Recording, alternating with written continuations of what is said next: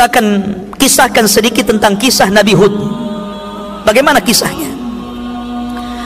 Hud kalau dilihat daripada nasab kepada Nuh, dia adalah cucu Nuh yang keempat. Jadi Nuh punya anak, anaknya punya anak, anaknya punya anak, lah Hud ini yang keempat dari keturunan Nuh alaihi salatu wassalam. Artinya dia generasi keempat dari Nuh. Dan subhanallah sebenarnya ketika Allah subhanahu wa ta'ala menyelamatkan Nuh dan pengikutnya yang sedikit itu kemudian beranak pinak setelahnya generasi kedua, ketiga mereka, masih mentauhidkan Allah. Karena mereka masih mendapatkan cerita bapak-bapak mereka bagaimana Allah mengirim azab kepada kaum Nuh. Tapi syaitan ini sekali lagi cerdas ikhwan.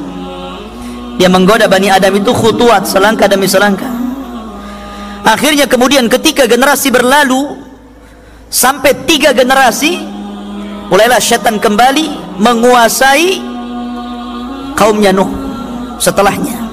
Kaumnya anak-anaknya Nuh alaihi salatu wassalam. Sampai kepada kaum yang disebut dengan Ad. Di sinilah kemudian mereka kembali menyembah berhala menyembah patung tidak lagi menyembah Allah subhanahu wa ta'ala.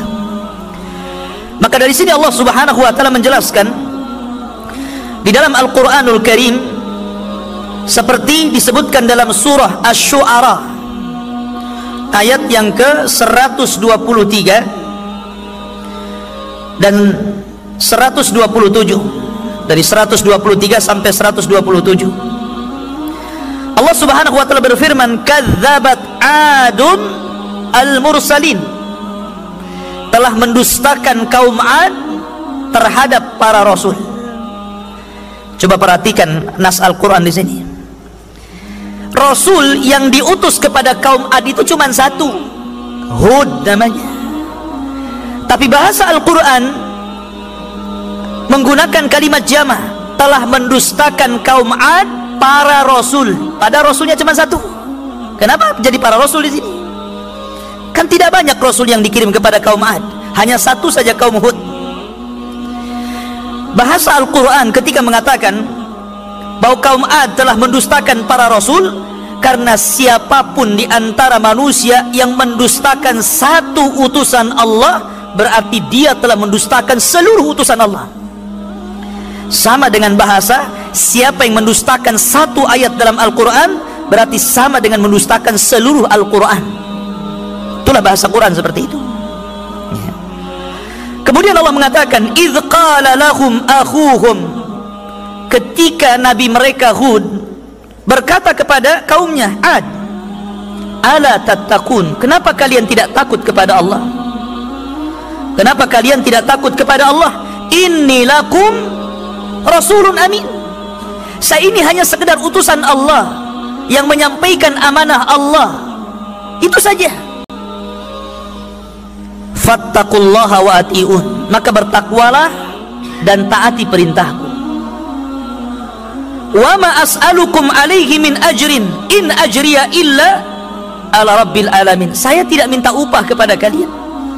Karena saya hanya meminta upah kepada Allah subhanahu wa ta'ala. Seluruh para nabi ikhwan mereka mendakwakan dakwah tauhid. Termasuk Hud alaihi salatu wassalam tapi lihat jawabannya. Jawaban kaum Hud. Yang disebutkan dalam surah Hud itu sendiri. Sampai diabadikan namanya ya seperti Nuh dijadikan nama surat. Hud juga dijadikan nama surat dalam Al-Quran. Karena dia nabi pertama dari nabi-nabi Arab masalahnya. Kalau Nuh disebutkan nama surat karena dia rasul pertama. Supaya orang tahu kenapa Nuh dijadikan nama surat sementara banyak rasul dan nabi tidak dijadikan nama surat karena Nuh itu rasul pertama. Sebagaimana Hud adalah nabi pertama dari nabi-nabi Arab. Masyurul muslimin mereka mengatakan dalam surah Hud qalu ya Hud ma ji'tana bi bayyinatin? Wa ma nahnu bitariki alihatina an qaulika wa ma nahnu laka lihat. Mereka mengatakan wahai Hud apa yang kau datangkan kepada kami ini? Kami tidak melihat ada bukti bahwa engkau seorang rasul seorang nabi. Bahkan kami tidak akan pernah meninggalkan Tuhan-Tuhan kami. Gara-gara ucapan dan kami tidak akan beriman selamanya. Nih penyimpangannya di sini. Pertama tidak percaya dengan utusan Allah. Yang kedua tidak mau meninggalkan Tuhan-Tuhan mereka. Dan yang ketiga mereka tidak mau beriman kepada apa pun yang dibawa seorang rasul kepada mereka. Inad ikhwan takabur sombong. Bahkan lebih parah lagi mereka mengatakan inna kula illa tarak inna kula illa taraka ba'du alihatina bisuin.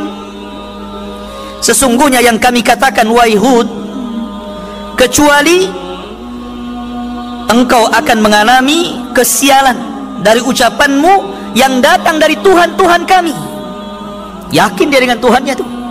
Ya sangat yakin kalau engkau terus apa namanya menyuruh kami meninggalkan Tuhan-Tuhan kami hati-hati ucapanmu. Kau akan kewalat bahasanya seperti itu. Tuhan-Tuhan kami bisa membuat engkau celaka. Rupanya pemahaman tatoyur itu sudah ada sejak zaman Hud sampai hari ini. Ya kan pemahaman tatoyur artinya menganggap sial atau menganggap sesuatu itu mendatangkan manfaat karena sebuah benda. Mereka menganggap seperti itu. Nah ini di zaman Nabi Hud alaihi salatu wassalam itulah akidah mereka. Menganggap bahwa patung itu membawa sial. Hati-hati kamu ya bahasa kita.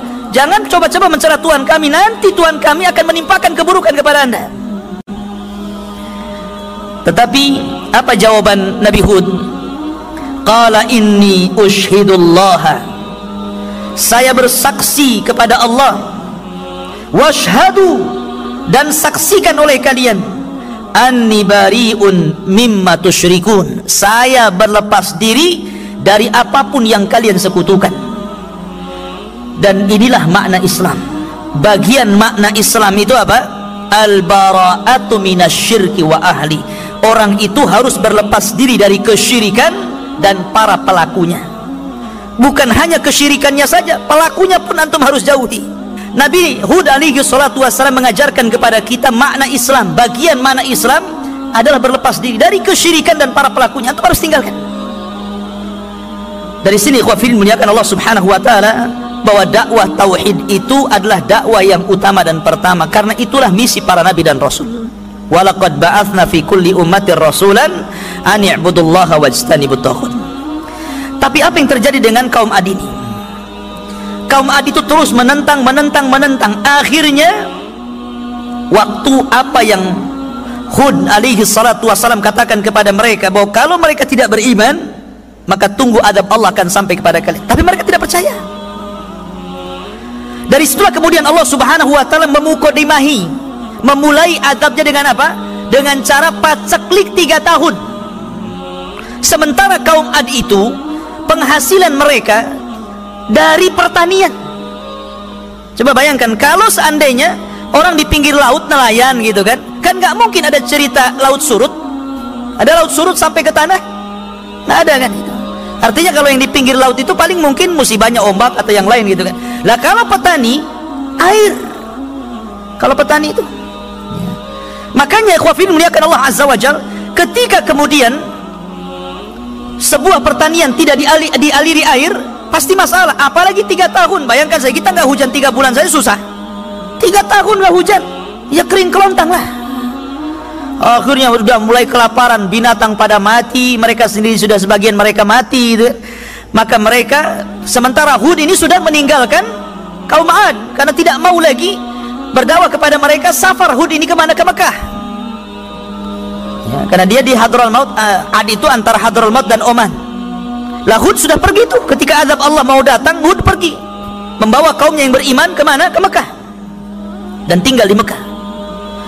Lah setelah tiga tahun paceklik mereka akhirnya kelaparan. Maka tujuh orang yang dianggap paling baik dari kaumnya ini berusaha untuk datang ke Mekah karena di Mekah itu bagi mereka ada berhala-berhala yang sangat mulia lebih mulia dibandingkan berhala yang mereka sembah di Yaman. Ya, kan? jadi ada ada kelasnya juga berhala itu. Ada kelas 1 kelas 2 gitu kan. Perangkat mereka. Sampai di Mekah kemudian mereka meminta kepada patung-patung yang ada di sana supaya dihilangkan. Jadi supaya dihilangkan musibah yang ditimpakan kepada mereka ketika mereka meminta kepada berhala-berhala mereka di sinilah ada suara dari langit. Seolah-olah suara itu mengijabah doa mereka. Suara itu mengatakan apa yang kalian kehendaki? Maka mereka mengatakan kami ingin hujan. Kemudian ditawarkan baik kami akan kirim awan yang berbagai macam warna. Ada warna putih, ada warna hitam, ada warna kuning, ada warna merah. Mau yang mana kalian? Maka mereka mengatakan kami ingin awan yang berwarna hitam. Alasannya kalau awan berwarna hitam itu lebih banyak kandungan hujannya. Akhirnya kemudian dikirim ya sudah kalian pergi ke Yaman. Nanti awan ini akan kukirim kepada kalian. Oh senang mereka. Senang. Sampai di Yaman di Ad mereka kemudian memberitahu bahwa berhala-berhalanya akan mengabulkan permintaan mereka. Datanglah awan jalan tuh. Semua orang keluar. Coba semua orang keluar. Mereka tidak tahu bahwa awan hitam itu dikirim oleh Allah untuk mengadab mereka. Mereka sangka awan itu untuk membawa berkah. Keluar semuanya. Tapi ada seorang wanita tua yang paham. Ini gelagatnya beda ini ini bukan hujan nampaknya. Akhirnya Allah subhanahu wa ta'ala betul-betul kirimkan adabnya. Rupanya awan itu membawa angin. Angin yang sangat yang sangat dahsyat sekali dan pekikan yang luar biasa. Sampai-sampai Allah mengatakan sor-sor. Sor-sor itu angin di dalamnya ada pekikan yang bisa memutuskan gendang telinga manusia jadi dikirim angin yang sangat dingin sekali masuk ke dalam badan kemudian telinganya hancur. Itu permulaan tuh. Kemudian setelah itu mereka diangkat oleh angin ke langit nggak turun-turun. Sab'alayalin wa thamaniyata ayam berapa hari di langit itu sab'alayal tujuh hari ngapung di langit. Ya. dan delapan hari tujuh malam delapan hari diputar-putar sama langit sama angin di langit Coba. bayangkan tuh diangkat. Tidak ada satu jiwa pun anak-anak orang tua laki-laki ngapung semua ke atas. Kemudian setelah tujuh malam delapan hari maka Allah subhanahu wa ta'ala kemudian timpakan ke bumi seperti tunggul-tunggul kurma dalam bahasa Quran. A'jazi nakhlin khawiyah. Seperti tunggul kurma antum kalau pohon kelapa itu ya dijatuhkan dan jatuhnya lurus nancap di bumi itu. Ini kepala di bawah kaki di atas. Kemudian dilesatkan dari langit dan nancap tuh kepalanya di situ. Jadi paku. Hmm, lihat ini adabnya kaum Adi ini. Dan tidak disisakan satu jiwa pun. Hud ya kan? Maka Hud kemudian selamat dari adab kemudian diselamatkan kaumnya dan begitulah Allah subhanahu wa ta'ala mengakhiri akibat orang-orang yang kufur dan akibat orang-orang yang beriman